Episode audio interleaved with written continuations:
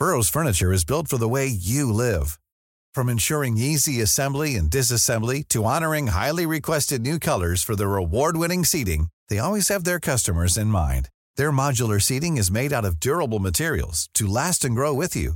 And with Burrow, you always get fast, free shipping. Get up to 60% off during Burrow's Memorial Day sale at burrow.com slash ACAST. That's burrow.com slash ACAST. burrow.com slash ACAST. Hey, I'm Ryan Reynolds. At Mint Mobile, we like to do the opposite of what Big Wireless does. They charge you a lot, we charge you a little. So naturally, when they announced they'd be raising their prices due to inflation, we decided to deflate our prices due to not hating you. That's right. We're cutting the price of Mint Unlimited from $30 a month to just $15 a month. Give it a try at mintmobile.com slash switch. $45 upfront for three months plus taxes and fees. Promo rate for new customers for limited time. Unlimited more than 40 gigabytes per month. Slows. Full terms at mintmobile.com. I'm Sandra, and I'm just the professional your small business was looking for. But you didn't hire me because you didn't use LinkedIn jobs. LinkedIn has professionals you can't find anywhere else, including those who aren't actively looking for a new job but might be open to the perfect role, like me. In a given month, over 70% of LinkedIn users don't visit other leading job sites. So if you're not looking on LinkedIn, you'll miss out on great candidates like Sandra. Start hiring professionals like a professional. Post your free job on linkedin.com/people today. Helt siden de første menneskene slo seg ned i Trøndelag, har det blitt observert underlige lys over Hessdalen. Fenomenet har blitt forsøkt bortforklart som syner sett av bygdetullinger og deliriske hallusinasjoner forårsaket av den lokale drikkekulturen. Men det skulle vise seg at fenomenet stakk langt dypere, når Hessdalen-fenomenet fikk verdensomspennende oppmerksomhet i ufo-miljøet på 1980-tallet. Fenomenet er fremdeles der, og det er fremdeles like uforklarlig som den gang. I 2024 kommer en podkastserie i seks deler, produsert av Project Hessdalen, som kanskje en gang for alle skal finne svar på hva som rører seg på himmelen i denne bortgjemte dalen i Trøndelag. Serien har som seg hør og bør fått tittelen A Blaze in the Northern Sky, og den kommer til din favorittpodkastavspiller i 2024.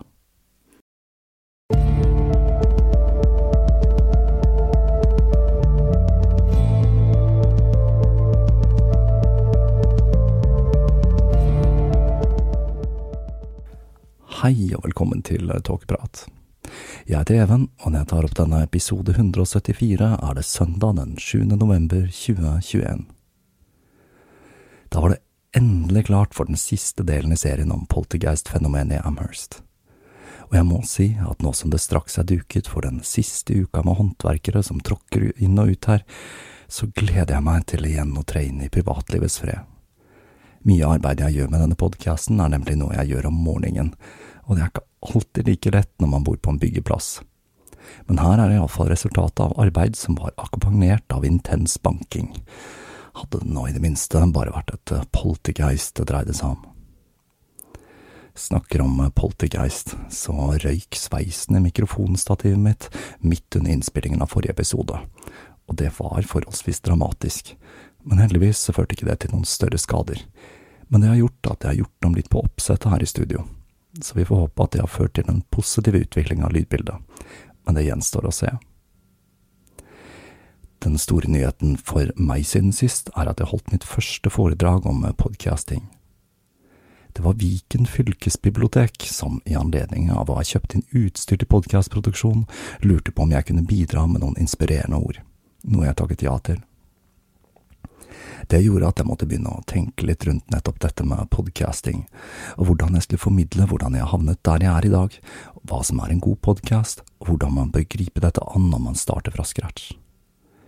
Det var en prosess som skulle vise seg svært givende, da jeg fikk tenkt litt tilbake på historien til podcasting, og hvordan jeg selv kom borti fenomenet som etter hvert skulle bli en så stor del av livet mitt. I tillegg fikk jeg anledning til å filosofere litt rundt hva som gjør en podkast god, og at folk fortsetter å lytte til den, i tillegg til ting som økonomi og det rent tekniske rundt. Etter hvert så kom jeg fram til at podcasting som fenomen har røtter forankret i motkulturen og det tidlige anarkistiske internett. Og det er jo litt av grunnen til at jeg tviholder på skrivemåten podcast med C, og benytter meg av begrepet ekte norsk podcasting, Det var noe jeg føler at jeg faktisk har gjort meg fortjent til. Det var uansett utrolig gøy å holde foredrag. Så om det er noen andre der ute som kunne tenke seg et timeslangt foredrag om podcasting med en Q&A, så er det bare å ta kontakt, for dette er noe jeg har lyst til å gjøre mer av. Men da er vi altså klare for den neste og siste delen i historien om poltergeist-fenomenet i Amherst. De kunne egentlig kanskje ha gjort seg å spille inn denne delen mens jeg hadde håndverkere på besøk, for å få litt autentiske bankelyder i bakgrunnen, men jeg valgte heller å spille inn denne når jeg hadde et fredelig øyeblikk.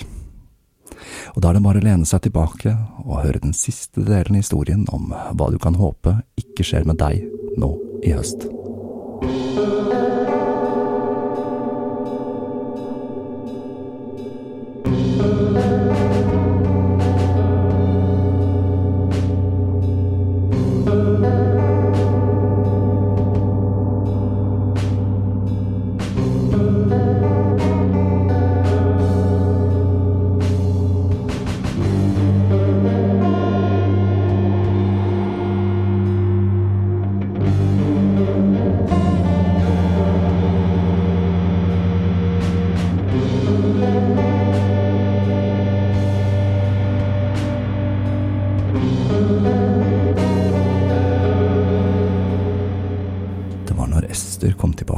Besøk hos søsteren, fenomenet virkelig begynte å ta av.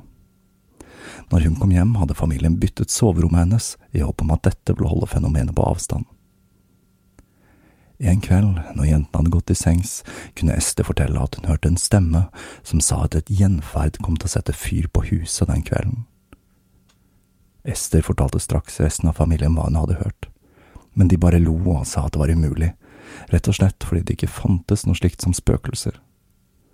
Nå må vi jo bare spørre oss om hvor mye som skal til for å få denne familien til å tro.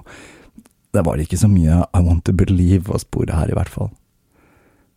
Daniel sa at elektrisitet ikke kunne tenne på huset, med mindre det kom i form av et lyn. De lente seg tydelig veldig sterkt på denne elektrisitetsteorien, og tanken om at strøm ikke er potensielt brannfarlig, er jo også litt på styr, da, må vi kunne si. Men det var jo gamle dager, dette her, da. Like etter familien hadde ledd og kost seg over det superpoenget til Daniel, så kunne de alle se en tent fyrstikk falle ut av løse luften rett over senga. Og hadde det ikke vært for at Jenny slukket den med en gang, så hadde senga tatt fyr. Nå var ikke stemningen like munter lenger, og i løpet av de neste ti minuttene begynte det å regne tente fyrstikker rundt omkring i rommet, men de ble alle slukket før de antente noe. Den natta begynte det å høre de høye bankelydene på ny. Jeg kan ikke noe for at jeg klarer bare å se for meg oppussing av badet her, altså, men nå skal jeg forsøke å la den ligge. Like etter dette sa Jenny at det virket som om fenomenet kunne høre og forstå hva som ble sagt, og plutselig, som et svar, kunne de høre tre høye dunk. Daniel fikk en idé, og spurte om hvor mange personer som var i rommet. Det kom ikke noe svar, men når han reformulerte spørsmålet og ba om svar i form av bankelyder, kunne det høres seks tydelige dunk, noe som stemte, og med det hadde de åpnet en kanal for kommunikasjon med den ukjente kraften. De ble enige om to bank for nei og tre for ja, og så spurte Daniel om at det var sant at huset var i ferd med å bli satt fyr på. Svaret var tre bank. Fem minutter senere plukket en usynlig hånd ned en av kjolene til Ester fra veggen og rullet den sammen, la den under senga og satte fyr på den. Men siden alle sto og så på, så fikk de raskt dratt den fram og slukket brannen før den kunne gjøre alvorlig skade. Så ble alt stille i huset, men ingen turte å sove av frykt for at flere branner skulle bli påsatt. Den neste morgenen var stemningen panisk. De var livredde for at det skulle bli påsatt en brann de ikke klarte å nå frem til å slukke, og de var nå overbevist om at dette ikke dreide seg om et underlig elektrisk fenomen, men en vaskeekte demonisk kraft som torturerte Esther. Walter Hubble skriver at Daniel forklarte detaljert hvordan Esther ble torturert, men også at han ikke kunne, eller kanskje ikke ville, gi en detaljert beskrivelse av hva gjengangerne gjorde med Ester, så her kan vi bare spekulere. Tre dager etter hendelsen med senga, mens Olive sto og lagde mat og Ester satt i spisestua, kunne de se røyk sive opp fra kjelleren. De ble skrekkslagne, og en, etter en stund ble begge paralysert. Som vanlig så var det Mrs. Teed som reagerte først. Hun hadde en bøtte med vann stående på kjøkkenet, og hun tok den med seg og løp ned i kjelleren, hvor hun så at en tønne med spon hadde blitt antent, og at flammene slo opp i gulvet i første etasje. Ester sto forskrekket i trappen bak henne og så på mens hun helte bøtten med vann over brannen, noe som førte til at en tjukk røyk fylte kjelleren. De to løp opp og ut på gata mens de ropte brann. Alle som var hjemme i nabolaget kom løpende til unnsetning, og de klarte å slukke brannen ved hjelp av vann og tepper. Amherst Gazette publiserte en artikkel om brannen som hadde blitt påsatt av en usynlig makt. Artikkelen spredde seg til aviser over hele Canada, og historien ble raskt en sensasjon. En rekke teorier om hvordan brannen hadde startet, begynte å florere. Noen, inkludert brannmennene, mente at det var Ester selv som sto bak brannen og det ble ymtet frem på at dersom hun hadde fått seg en real omgang med juling, så ville fenomenet bli borte for godt. Men det var flere som tidligere hadde trodd at det dreide seg om svindel, som nå begynte å tro at det kunne være noe mer med saken enn bare en familie som ønsket seg litt oppmerksomhet. Det var så smertefullt åpenbart for innbyggerne i Amherst at dersom huset hadde tatt fyr, så ville vinden ha spredd brannen til resten av nabolaget. I løpet av den neste uka skulle tilstanden i huset bli enda mer intens. En kveld, når hele familien satt i salongen, åpenbarte plutselig gjengangeren seg for Ester. Hun reiste seg likblek og skjelven og pekte på et hjørne av rommet. Der, se der, herregud, det er spøkelset, sa hun. Kan dere ikke se det? Øynene hans glinser, han ler. Han sier at jeg må forlate huset i kveld, ellers vil han sette fyr på loft og kjeller og brenne det til grunnen. Hun falt over ende og skrek og gråt om hverandre, og så ble alt stille. Familien så på hverandre, for det var kun Ester som hadde sett gjengangeren. Daniel løftet henne fra gulvet og la henne på sofaen. Han sa, Du må dra, Ester, men husk at det er på grunn av spøkelset, og ikke på grunn av oss. Vi kan ikke risikere huset, og kanskje hele landsbyen. Familien visste ikke hvor de skulle gjøre av jenta, for alle naboene kjente til historien og var redde. Men så kom de på at den ene naboen, John White, hadde utvist en spesiell interesse for fenomenet, og hadde uttrykket at han syntes synd på Esther. Så Daniel gikk ut i den iskalde natten og banket på hos Mr. White. Han forklarte situasjonen, og Mr. White sa at dersom det var greit for kona hans, så kunne Esther få bo hos dem en stund. Heldigvis for Esther så syntes kona at det var greit, og med det fortet Daniel seg hjem og hentet Esther. To uker gikk, og fenomenet uteble. Ester ble svært godt mottatt hos White-familien. Hun bidro med husarbeid, og Mr. og Mrs. White behandlet henne som et av sine egne barn. Hun kom raskt i bedre form, og frykten som hadde fulgt henne de siste fem månedene, begynte å slippe taket. Befolkningen i Amherst begynte også å senke skuldrene da nyheten om at kraften som hadde plaget Tid-familien, tilsynelatende var blitt borte. Men som dere sikkert skjønner, så skulle det ikke gå så veldig lang tid før fenomenet igjen begynte å manifestere seg. Det var den fjerde uka hun bodde hos Tid-familien ting begynte å skje på ny.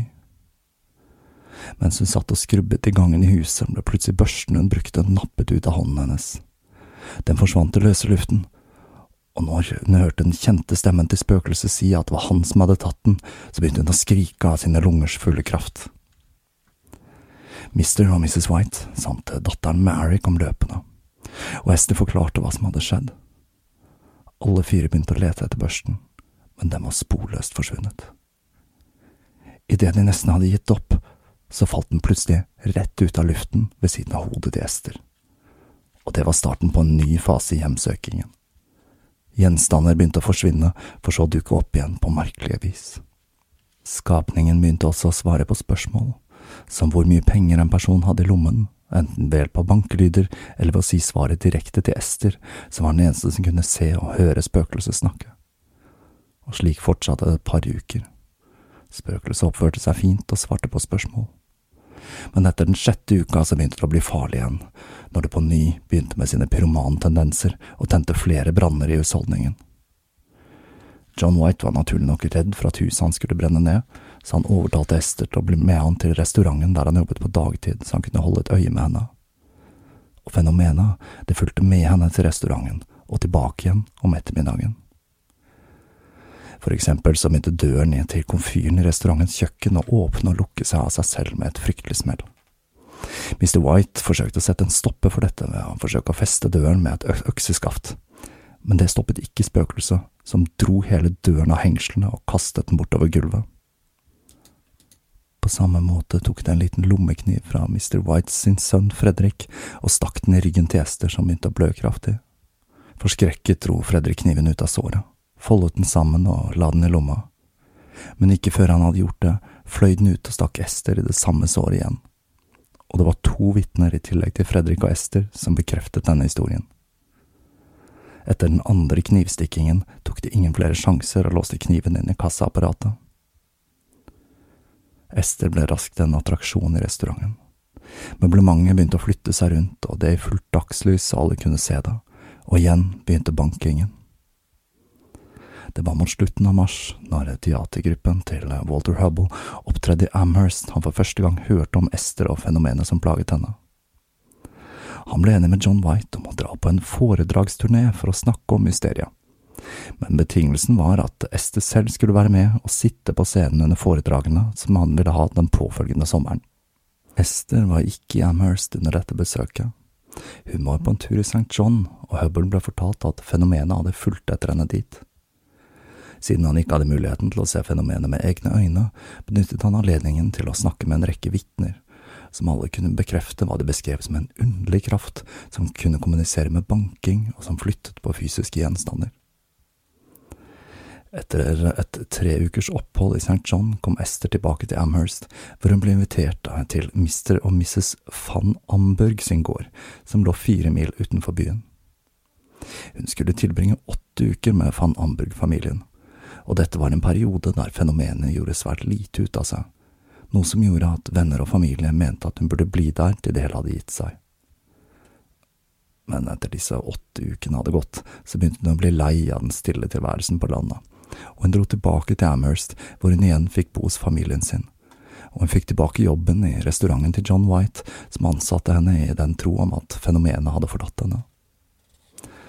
Mens Hubble og truppen hans var i Newfoundland, begynte en brevutveksling med Mr. White, der White skrev at fenomenet igjen hadde begynt å manifestere djevelens forunderlige verk og han ba om at eh, Hubble skulle skrive forelesningen han hadde tenkt å holde, og dra på turné med Ester før den mystiske kraften klarte å ta livet av henne.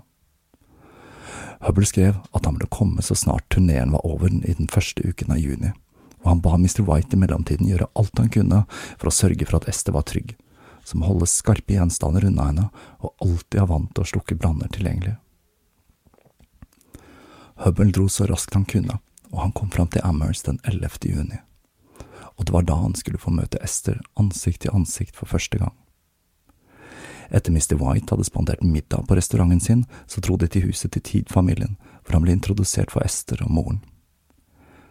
Ester fortalte at spøkelset Bob var positiv til turneen, og hun kunne også fortelle at enda en gjenganger, Maggie, hadde begynt å forfølge henne, og hun sa at også dette spøkelset var positivt innstilt. Selv om Hubble ble svært imponert av hva jenta fortalte, så var han overbevist om at alt snakk om overnaturlige krefter bare var sprøyt. Han hadde ved flere anledninger avslørt mediumer i USA, og til tross for alle vitneutsagnene så var han sikker på at det bare var et tidsspørsmål før han ville avsløre henne. Hubble ble invitert hjem til Mr. White for å møte familien hans, men før han forlot Tid-familiens hus, så lovte han Ester å komme tilbake senere den kvelden. Mr. White skulle bli med når de to dro tilbake, og da fikk Hubble også møte Daniel Teed, Jenny Cox og en venn av familien, Mr. Quigley. Alle fortalte Hubble om den mystiske kraften, og sa at dersom han ble med inn i spisestua og satte seg ved spisestuebordet, så ville han få muligheten til å høre skapningen. Og det stemte. Etter bare noen minutter begynte de å høre skrapelyder som av usynlige fingernegler på bordplaten, lyden av bare hender som gnisset seg mot den og Hey, it's Ryan Reynolds, and I'm here with Keith, co star of my upcoming film, If, only in theaters, May 17th. Do you want to tell people the big news?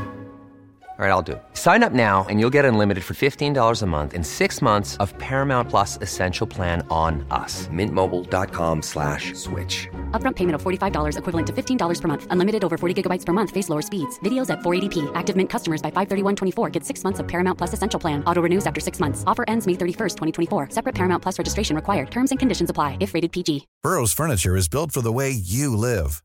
From ensuring easy assembly and disassembly to honoring highly requested new colors for their award-winning seating, they always have their customers in mind. Their modular seating is made out of durable materials to last and grow with you. And with Burrow, you always get fast, free shipping. Get up to 60% off during Burrow's Memorial Day sale at burrow.com slash ACAST. That's burrow.com slash ACAST. burrow.com slash ACAST. Runkelyder som svarte på spørsmål. Ester fortalte at både Bob og Maggie var til stede, og at de ønsket at Hubble skulle stille dem noen spørsmål. Selv om Hubble holdt øye med alle som var til stede, så kunne han ikke se hvor den mystiske bankelyden, som blant annet svarte på datoen på en mynt han hadde i lomma, 1876, kom fra. Han dro derfra klokka elleve og til hotellet hvor han begynte å skrive på forelesningen om fenomenet. Dagen etter, den 12. juni, forlot Hubble, Esther og Mr. White Amherst for å fortelle verden om det merkelige fenomenet som manifesterte seg rundt Esther Cox.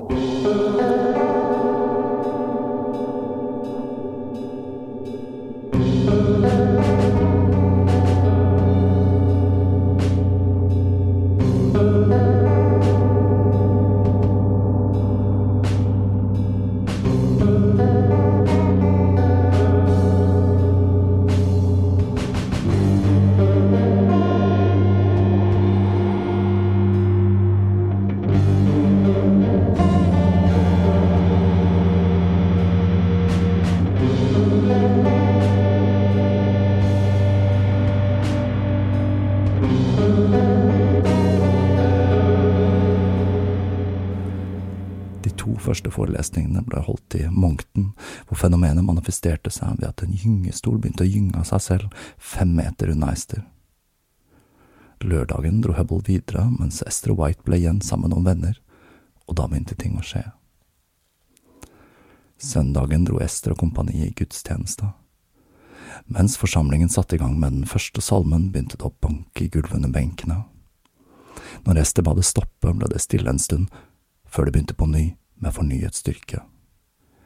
Lyden ble så ille at Ester og vennene måtte dra fra kirken. Når de kom tilbake til huset der de overnattet, ble Ester svært syk, og kroppen begynte å svulme opp igjen. En lege som undersøkte henne, mente at hun hadde symptomer på alvorlig hjertesykdom. Ester var i store smerter og kastet opp blod. Det var nesten blitt morgen før hun endelig falt ned i en dyp søvn, og hun sov til langt på dag neste morgen.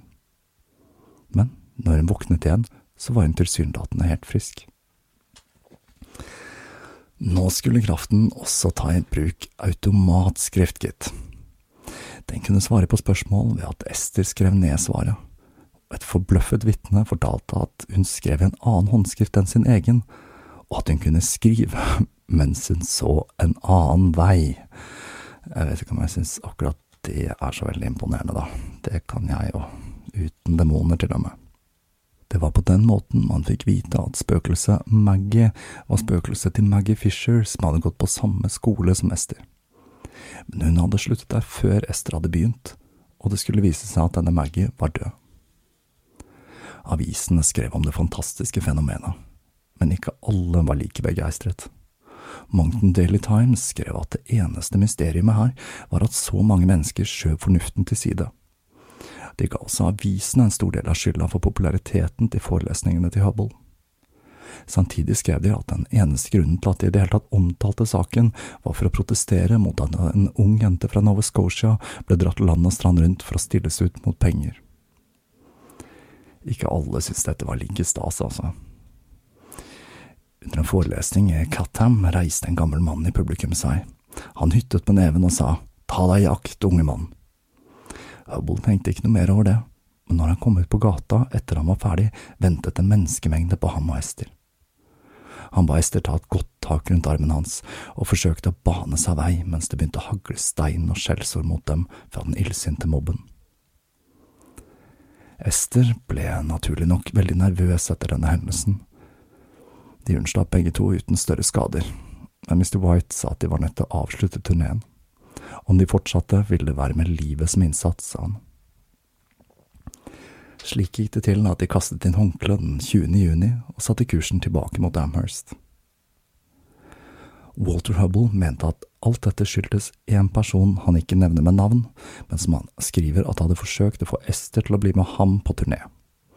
Esther hadde takket nei, siden hun heller ville dra med Hubble og Mr. White, Hubble mente at denne personen hadde stått bak flere avisartikler som oppfordret myndighetene til å gripe inn for å stoppe turneen. Tilbake i Amherst forlot Mr. White Esther og Hubble på jernbanestasjonen. Han gikk tilbake til jobben sin i restauranten, og han skulle aldri ha noe mer med saken å gjøre.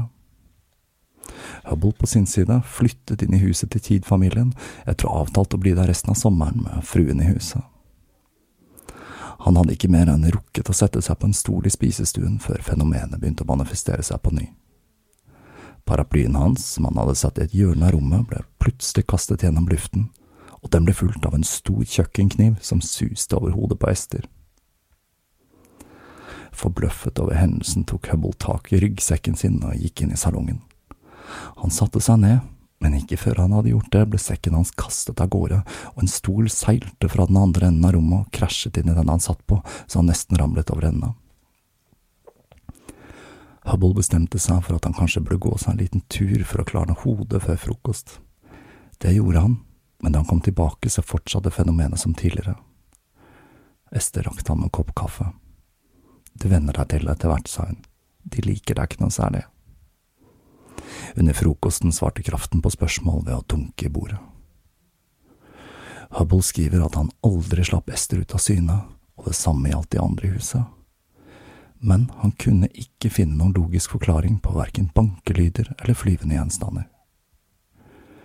Kvelden kom, og husholdningen gikk til sengs. Natten skulle foregå uten flere hendelser, og den neste dagen var det også stille. Det var nemlig søndag, og av en eller annen grunn så holdt poltergeistaktiviteten seg på et minimum på søndager. Både Ester og Hubble satte pris på en stille dag med lesing etter først å ha blitt angrepet av en sinna mobb, og etter den hektiske lørdagen som fulgte. Men når mandagen kom, så var det på den igjen. Under frokosten kunne de høre at sukkerskåla falt på gulvet, men da de så etter den, kunne de ikke finne den noen plass. De stusset litt over det, før den plutselig dukket opp i lufta over bordet, hvor den svevde en liten stund før den så datt ned. Og så ble det fullstendig kaos. Kniver og gafler ble kastet i gulvet, stolene veltet over ende før selve bordet veltet og gulvteppene begynte å seile rundt. Og det var bare mandag morgen. I løpet av dagen skulle Hubble få blekkhus, flasker og nåler kastet etter seg. George, yngstemann, fikk et kakestykke nappet ut av hånden som ble kastet etter Hubble i tre deler like etter. Etter det så begynte kreftene å rive klærne av den forskrekkede lille George. Hubble bemerket at det så ut til at den lille gutten kunne se de usynlige vesenene. Ester ble fiket til av usynlige hender som etterlot seg fingermerker, og alle kunne høre lyden av ørefikene de ikke kunne se. Om ettermiddagen begynte brannstiftingen igjen. Først med noen små tilløp i avispapir, før det ble tent en stor brann i andre etasje. Kronen på den blåmandagen var at alle stolene i spisestua ble stablet opp i en pyramide, som så ble veltet over ende i et enormt lurveleven. Ting begynte å dra seg til, og når tirsdagen kom, var Hubble ekstra oppmerksom under frokosten. Han holdt et årvåkent øye med sukkerskålen. Men alt virket greit. Han tok sukker i kaffen sin, men da han skulle sette lokket på, så var det borte. Det lå ikke lenger der han hadde lagt det på bordet. Men det skulle dukke raskt nok opp igjen, for like etter så kom det flyvende ut av glasset øverst i kjøkkenskapet med stor kraft. De var ganske langfingrete, disse gjengangerne, for ting hadde en tendens til å forsvinne for så å dukke opp igjen andre steder. Dette skjedde selv med ting som var innelåst, og gjenstander beveget seg gjerne fra én låst skuff til en annen. Etter frokosten ble en rekke kniver kastet mot Hubble, som klarte å dukke unna angrepet, og så begynte det å brenne i spiskammerset. Den ettermiddagen kommuniserte Hubble med skapningen igjen, og han klarte å få navn og alder på urokråkene. Det var Maggie Fisher, som hadde blitt 21 år gammel, og som hadde dødd for tolv år siden. Søsteren hennes, Mary Fisher, som hadde vært død i tre år, og var 19 når hun døde. I tillegg var det Jane Nichol og Eliza McNeil, og ikke minst Bob Nichol, som var lederen for dem alle. Han hadde dødd 60 år gammel, fortalte han, og han hadde vært skomaker når han levde på jorden. Like etter denne samtalen gikk Hubble inn i salongen hvor Esther satt og skrev. Da besatte Bob henne, og han hadde følgende å meddele i automatskrift. Kom deg ut av Amherst, din tispe, måtte sjelen din dra til helvete, og måtte Hubbles sjel dra til helvete sammen med din. Hubble benyttet anledningen til å stille noen spørsmål som gjengangerne besvarte på en bank. Er dere i himmelen? Nei. Er dere i helvete? Ja. Har dere sett djevelen? Ja. Hubble satte seg i en stol mens han tenkte over dette, og da la han merke til familiens grå og hvite katt som lå og sov i rommet. Han sa høyt, Dere har aldri gjort noe mot den, hvorpå katten ble løftet opp i været og kastet på ryggen til Ester. Hubble skriver også at det virket som om katten kunne se de usynlige ubudne gjestene. Jeg må nå selv si at jeg synes dette var ganske dårlig gjort mot katten av Walter Hubble, men, men. Bob Nicol tilbrakte natten på soverommet til Ester og Jenny, hvor han rev av dem sengetøy og klær, klorte dem og stakk dem med nåler, mens han hamret i tak og vegger med noe som hørtes ut som en slegge. De voldelige hendelsene fortsatte onsdagen. Kniver og andre skarpe gjenstander ble kastet mot de som var i huset, det ble satt fyr på gardiner og i skuffer og skap, mens Ester, hun ble stukket med nåler. Denne nålestikkingen fortsatte Bob med den natta i tillegg til å riste inn kors på hendene, føttene og halsen til jentene. Og den neste dagen tok nålestikkingen helt av. Hubble måtte bruke dagen på å hjelpe Ester med å ta ut nåler som hadde blitt stukket inn i alle synlige deler av huden hennes, inkludert inne i ørene. Fredagen så hadde de et musikalsk innslag, da lyden av hva som hørtes ut som en liten trompet kunne høres i huset. Hubble spurte om å få se trompeten, noe Bob svarte ja til og den kvelden manifesterte trompeten seg. Det var en liten leketrompet i tinn som de aldri fant ut hvor kom fra. Når Esther og Hubble satt sammen i salongen, spurte han om hun kunne legge hendene sine i hans. Det gjorde hun, og Hubble skriver at det føltes ut som om det gikk elektrisitet fra hans kropp og inn i hennes. Dette pågikk i et kvarter før Hubble begynte å føle seg svak og avkreftet. Han måtte gå rett til sengs, og den natten sov han i hele tolv timer mot sine vanlige sju. Den neste dagen oppsøkte de hjelp hos pastor R.A. Temple, som sa at Ester burde sove med en bibel under hodet. Det ser ut til at gjengangeren ikke likte at hun hadde pratet med denne presten, for den dagen ble hun kuttet i panna med et gammelt oksebein, og svevende kniver forsøkte å kutte strupen hennes to ganger. De lyktes ikke med det, og det gjorde heller ikke den svevende saksa som forsøkte å stikke henne i halsen, men til slutt klarte de usynlige kreftene å kjøre en gaffel inn i hodet hennes. Og dette bibeltrikset, det funket ikke. Den natten falt hun i en transe og begynte å synge salmer, og hun sa at hun var i himmelen og kunne se alle sine avdøde slektninger. De nattlige anfallene der kroppen svulmet opp, kom også tilbake for full kraft, i tillegg til voldsomme spasmer. Daniel og Hubble forsøkte å holde henne rolig, men til ingen nytte. Kraften som hadde henne i sin makt, var langt sterkere enn de to. Det virket faktisk som om Hubble begynte å venne seg til tingenes tilstand slik Ester hadde sagt. For en dag når han skulle tenne pipa og ikke fant fyrstikkene sine, spurte han gjengangeren om fyr. Og det fikk han, noe så til de grader også. Etter denne forespørselen begynte det daglig å regne fyrstikker over en stakkars Walter Hubble. Han skriver også at han ble så kjent med bankelydene at han kunne skille de ulike gjengangerne fra hverandre bare ved å høre på dem. Men til tross for at Hubble begynte å venne seg til det hele, så begynte det å bli litt i overkant for familien. Inventaret ble kullkastet, de ble angrepet med kniver, branner ble påtent og nettene var et helvete, så noe måtte gjøres. De bestemte seg for at det eneste de kunne gjøre, var å sende Ester til gården til van Amburg, hvor fenomenet hadde sluttet å manifestere seg sist hun hadde vært der og slik ble det. Dagen etter Ester hadde dratt, inspiserte Hubble huset. Han så på de ødelagte veggene og det ødelagte møblementet, før han spurte forsiktig. Bob, er du der? Det kom ikke noe svar, så han forsøkte igjen. Bob? Maggie? Fremdeles kom det ikke noe svar, og han forsto at kreftene som hadde hjemsøkt huset i Amherst, hadde dratt sammen med Esther Cox.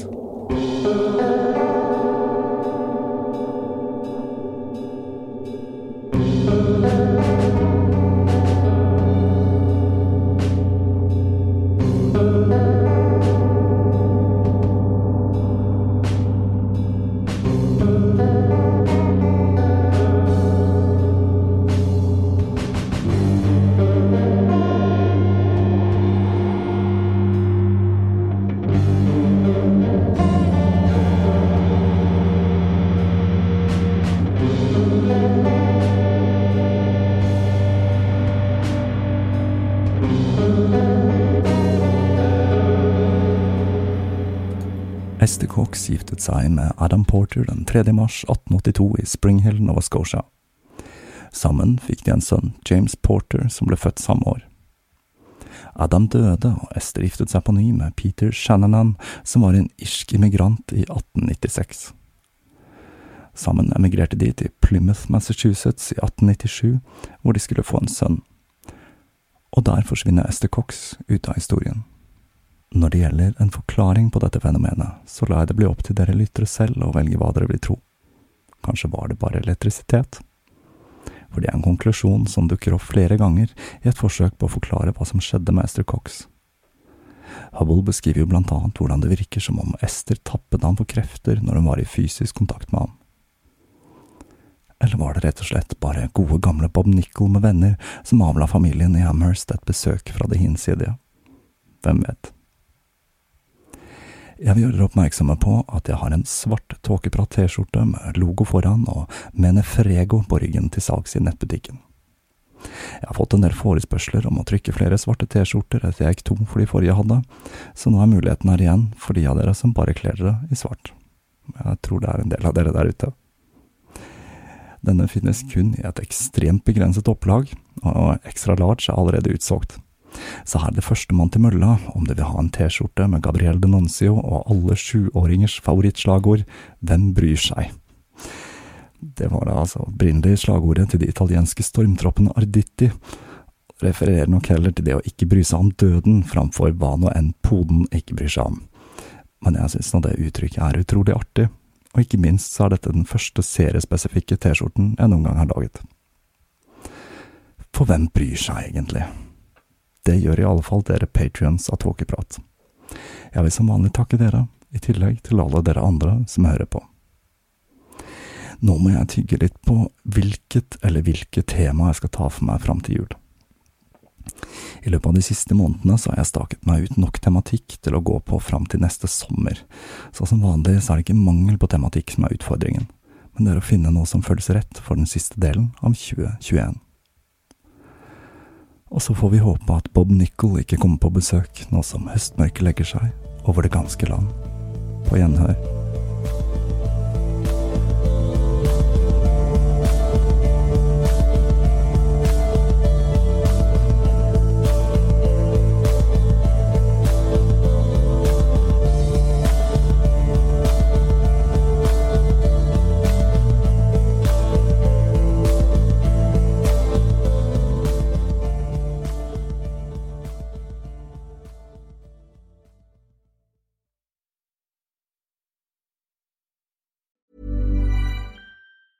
Planning for your next trip? Elevate your travel style with Quince. Quince has all the jet setting essentials you'll want for your next getaway, like European linen, premium luggage options, buttery soft Italian leather bags, and so much more. And is all priced at 50 to 80% less than similar brands. Plus, Quince only works with factories that use safe and ethical manufacturing practices. Pack your bags with high-quality essentials you'll be wearing for vacations to come with Quince. Go to quince.com slash pack for free shipping and 365-day returns.